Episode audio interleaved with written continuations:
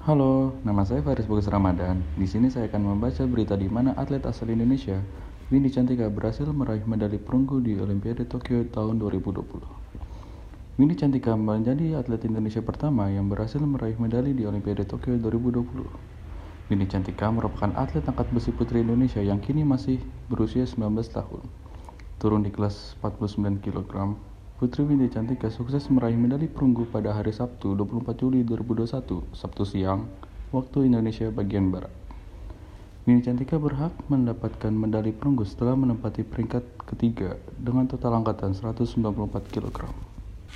Total angkatan terbaik Windy Cantika adalah 84 kg yang didapatkan pada kesempatan kedua. Adapun total angkatan clean and terbaik adalah 110 kg yang didapat pada kesempatan ketiga.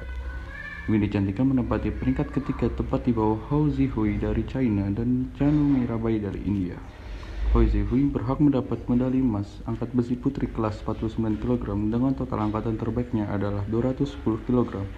Di sisi lain, Chanu Mirabai sukses mendapatkan medali perak dengan total angkatan terbaiknya 202 kg.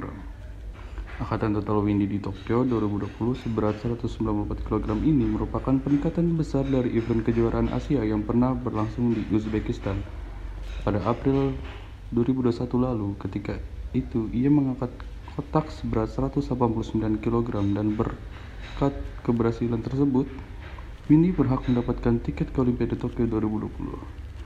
Selamat untuk Windy Cantika Aisyah atas medali perunggunya.